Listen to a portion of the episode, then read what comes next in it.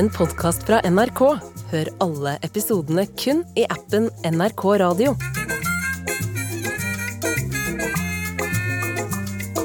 Blant palmer og veteranbiler i Havanna, hovedstaden på Cuba, skjer det noe rart. For ved den amerikanske ambassaden blir én etter én av de ansatte plutselig syke. De melder om kraftig hodepine, synsforstyrrelser og ikke minst en intens pipelyd. Hva er det som foregår, og hvorfor mener mange at det som skjer, er en del av en utspekulert plan? Du hører på Oppdatert. Jeg heter Gry Baby.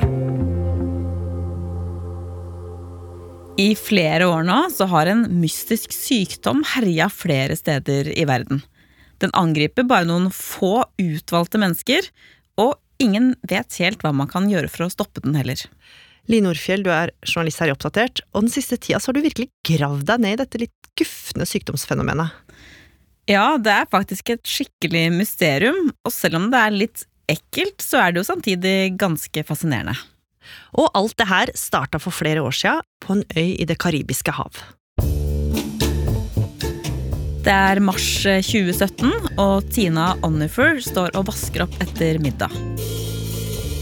Hun er en blond amerikansk dame i 40-åra som jobber som diplomat, og hun er utstasjonert i Havanna. Og denne kvelden her, mens hun står der med oppvaskbørsten i hånda, så skjer det noe spesielt.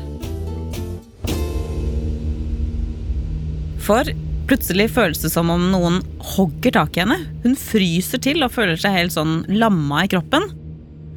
Og så får hun sjukt vondt i hodet. Og selv om dette her er en ekstremt ubehagelig opplevelse, så ringer det samtidig en liten bjelle i hodet til Tina.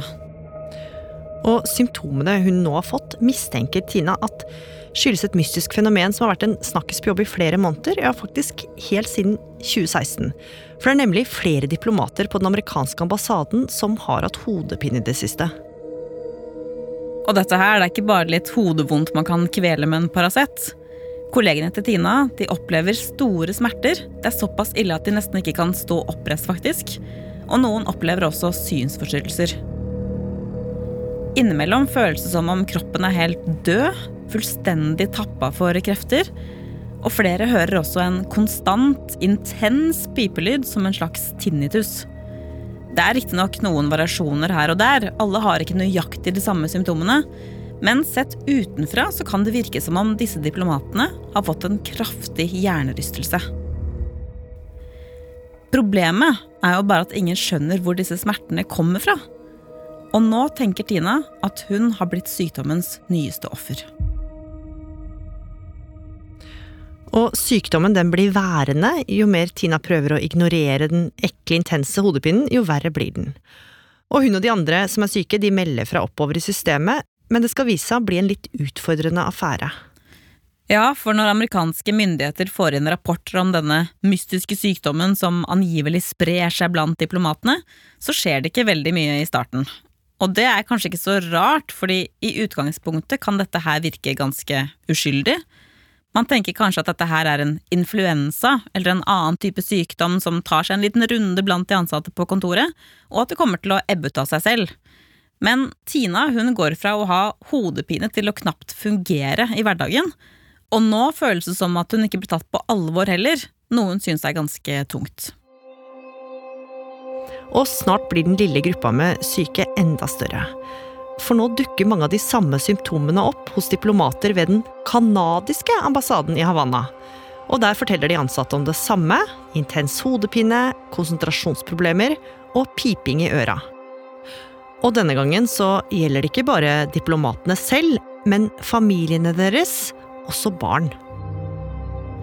Så nå blir det jo ganske tydelig at dette her ikke er en slags intern influensa, men at det faktisk er snakk om en ukjent og veldig ubehagelig sykdom. Nå får den sitt eget navn, Havanna-syndromet, oppkalt da etter byen den først ble oppdaga i, og det viser seg at sykdommen har et interessant mønster. Alle som sier at de er syke, jobber nemlig enten som diplomater eller er ansatte hos CIA, altså de som driver med etterretning i USA. Og nå kan vi jo se for oss at amerikanske myndigheter blir en smule stressa. For det virker som om denne sykdommen her retter seg mot noen få utvalgte mennesker, og alle er i stillinger som ivaretar USAs ve og vel. For det er åpenbart at det her er noe langt større enn et lite forkjølelsesutbrudd. Nå gjelder det å få folk i sikkerhet, og en haug med ambassadeansatte, både syke og friske, blir beordra hjem til USA i full fart. Og jakta på hvem eller hva som forårsaker sykdommen, er i gang. Den første konkrete mistanken den rettes mot Cuba. Amerikanske myndigheter har en teori om at cubanerne angriper amerikanere med høyfrekvent lyd, altså en type lyd som er ment for å skade hjernen.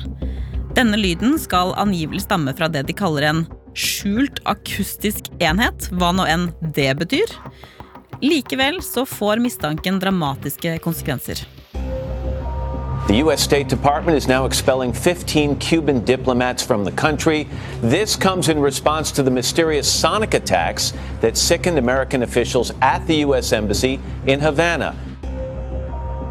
For selv om cubanske myndigheter nekter å ha noe med Havanna-syndromet å gjøre, så blir altså 15 cubanske diplomater utvist fra USA. Og mens cubanerne slukøret pakker sammen sakene sine og reiser hjemover, så har opptak av den angivelige lydterroren sluppet ut i pressen. We're hearing the sound heard by some U.S. embassy workers in Havana. And it's not pleasant. Americans who heard these sounds in Havana have described slightly different sounds. However, this high pitched cricket sound seems to appear in all of them. Men Line, det er vanskelig å finne konkrete bevis på at det faktisk er cubanerne som står bak? Ja, og det er også vanskelig å bevise at denne lyden som amerikanerne hører, er grunnen til at de er syke. Så etter noen måneder, i 2018, rettes mistanken mot noen andre, nemlig Russland. Teorien er at det dreier seg om et slags mikrobølgevåpen. Og dette her er litt komplisert, men kort og enkelt forklart så handler det om å bruke mikrobølger eller en type stråling for å påvirke eller skade hjernefunksjonen til andre mennesker. Og det er det amerikanerne nå mistenker at russerne prøver på. The Russians are the only country I know of who have previously targeted American diplomats with microwaves. That puts them at the top of a very short suspects list. Og det er jo ikke uten grunn at de mistenker Russland. For under den kalde krigen, på begynnelsen av 1950-tallet, så ble det nemlig oppdaga mikrobølgestråling mot den amerikanske ambassaden i Moskva. Strålinga pågikk i nesten 20 år, og strålenivået var ikke spesielt høyt, men etter hvert så ble ambassaden skjerma.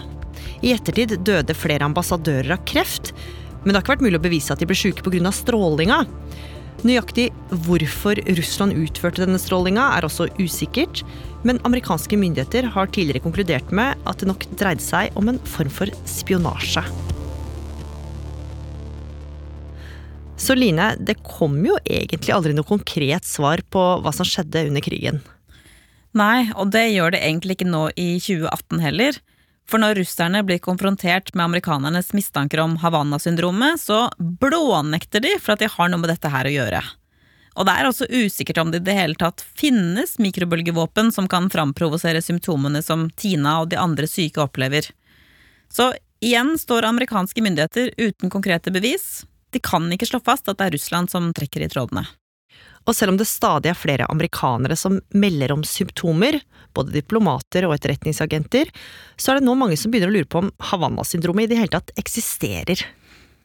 Ja, for nå har det blitt 2019, og i flere år har det blitt kasta ut teorier i øst og vest uten at noen kan slå i bordet med en ordentlig forklaring. I tillegg har det etter hvert blitt gjort flere opptak av denne grusomme pipelyden som mange av de syke sier at de hører, og da et av disse lydopptakene viser seg å ikke være skumle mikrobølger eller annen lydterror, men faktisk noe så enkelt som uskyldige gresshopper, da er det klart at skepsisen sildrer ut blant folket. So, for this famed, you know, sonic attack that had allegedly launched against members of the U.S. Embassy, turned out to be absolutely nothing, and in fact, outright fabricated. I'll be honest, I'm not really sure what's going on here. I have a feeling this story may get weirder before the truth wins out. Noen mener at Havanna-syndromet er en psykisk lidelse og ikke en fysisk, og at mange av de som sier at de er syke, rett og slett har blitt påvirka av hverandre. Men for Tina Onifer, som jo var en av de aller første som meldte om symptomer, så hjelper det ingen verdens ting å bli latterliggjort på nettet. Hun har vært syk i over to år nå, uten å bli noe som helst bedre. Og samtidig så skjer det jo faktisk ting som viser litt fingeren da, til alle de som står på sidelinja og tror at denne sykdommen bare er tull. For en av kollegene til Tina, som også var diplomat i Havanna, har nemlig vært gjennom mange runder hos legen og endelig fått et tydelig svar. Legen mener at hun har en hjerneskade som ikke kan være medfødt. Altså, hun har fått skaden i voksen alder, og at hjernen hennes trolig har blitt utsatt for noe. Det er selvfølgelig vanskelig å vite om denne skaden oppsto før eller etter at hun ble syk med Havanna-syndromet, men for både Tina og kollegaen hennes er dette her en åpenbar seier. Nå har de faktisk en ordentlig diagnose på papiret. Og syndromet er jo fortsatt på agendaen til amerikanske myndigheter, for det fortsetter å komme meldinger om diplomater og CIA-agenter i en rekke land, deriblant Kina, Australia og Polen, som er blitt sjuke. Og de neste åra så blir flere mulige årsaker vurdert og forkasta, annet en teori om at sykdommen skyldes et myggmiddel som er mye brukt i Havanna. Ja, men midt oppi alle disse teoriene som svirrer rundt, så har ikke USA glemt sin kanskje største og viktigste mistenkte i saken. For CIA de har gjort noen interessante funn som igjen retter et mistenkelig søkelys mot Russland. En haug med mobilspor avslører nemlig at flere CIA-ansatte som har blitt syke, har noe helt spesielt til felles. De har alle vært i nærheten av det CIA mener er russiske etterretningsagenter. Men igjen så er det vanskelig å være sikker, for Russland de rister på hodet og avviser alle anklager om at de har noe som helst å gjøre med dette Havanna-syndromet. Og hvordan disse agentene skulle ha angrepet folk bare ved å være i nærheten av dem, det er jo også ganske usikkert. Men det surrer stadig historier som opprettholder denne mistanken. Og i slutten av 2019, like etter thanksgiving, så skjer det noe skikkelig ekkelt med en dame som jobber ved Det hvite hus. Dagen det skjer, så er hun ute og går tur med hunden sin, og alt er egentlig som normalt, helt til hun, ifølge seg selv, går forbi en varebil som står parkert langs veien. Det kommer en mann ut av bilen, som da går forbi damen og hunden, og da skjer det noe. Hunden hennes får plutselig et slags anfall, kraftig og, og helt ut av det blå, og så kjenner damen det selv. En intens, lammende hodepine og en høy pipelyd i øra. Om mannen som passerte henne hadde noe med saken å gjøre, det er vanskelig å vite, og vi har jo bare kvinnens versjon av det som skjedde denne dagen. Men Line, en stund seinere, i desember 2020, så kommer det en forskningsrapport som skal få mye oppmerksomhet. Ja, denne rapporten her er blitt gjort på oppdrag av det amerikanske utenriksdepartementet, og der konkluderer forskerne med at det de beskriver som direkte pulserende radiofrekvensenergi, er det som framkaller sykdommen. Ingen blir utpekt som syndebukk i denne rapporten, men både Sovjetunionen og Russland blir nevnt. Men selv om det nok en gang ikke er to streker under svaret, så blir denne rapporten her et viktig bevis for eh, dem som er syke, rett og slett for at de nå føler at de blir tatt på alvor. Det blir de, og snart får de også støtte fra aller øverste hold, nemlig fra president eh, Joe Biden.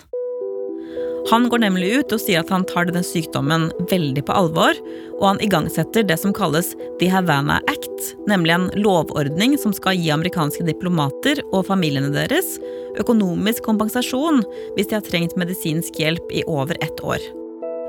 Og denne hjelpen her, den kommer godt med for den tidligere diplomaten Tina. For livet hennes, og ikke minst karrieren, har endra seg totalt siden hun sto og vaska opp den kvelden i 2017. Hun er fortsatt sterkt prega av sykdommen, og i dag kan hun jobbe noen få timer i uka hvis hun er heldig. Men Line, når det mystiske Havanna-syndromet herja helt siden slutten av 2016, Vil vi noen gang få et tydelig svar på hva det skyldes? Nei, Det kan nesten virke som dette er en evig kime til usikkerhet. For i januar i år så kom det en ny rapport fra CIA hvor de hadde gått gjennom alle de innrapporterte tilfellene av Havanna-syndromet, som var på rundt 1000 stykker totalt. Og da kom de faktisk fram til at flesteparten av tilfellene kan forklares med helt naturlige årsaker, som stress, miljøpåvirkning eller andre helseplager. Men samtidig så er det ikke alle disse tilfellene som har blitt gjort rede for. Det er fortsatt en liten rekke igjen som er helt uforklarlige, og nettopp derfor så holder CIA døra bitte litt på gløtt. De kan ikke utelukke at det er krefter utenfra, med onde hensikter, som står bak denne sykdommen. Så jakta er ikke helt over ennå? Nei, for selv om CIA har sjekka dette her grundig i flere år nå, så har de lova at de skal komme til bunns i hva det er som gjør folk syke. Og utenriksministeren i USA har også sagt at dette mysteriet her, det skal løses, uansett hva. Så forhåpentligvis, kanskje om noen år, så får Tina og de andre endelig et ordentlig svar.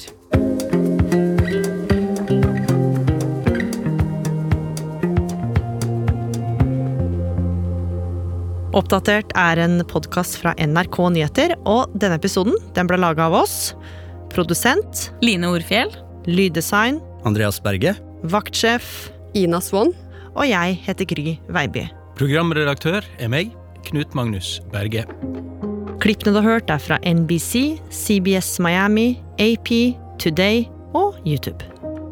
Har du tips eller innspill, så må du gjerne sende oss en e-post på oppdatert krøllalfa nrk.no.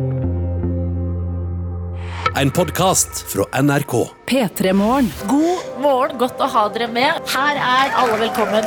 Dynga. Vi skal gjøre deg litt dummere på forskjellige temaer, men også lykkeligere, da. Jo mindre du vet, jo hyggeligere har du det. Med all respekt. Veien til lykke er å mate barnet i deg. Love you guys. Høra. Meld deg inn i IS eller flytte til Nord-Korea. Oi. Jeg hadde meldt meg inn i IS og så tatt en kule for Hemsedal, altså. Alle episodene av podkastene, inkludert de aller nyeste, finner du kun i appen NRK Radio. NRK Radio. Vi hører sammen.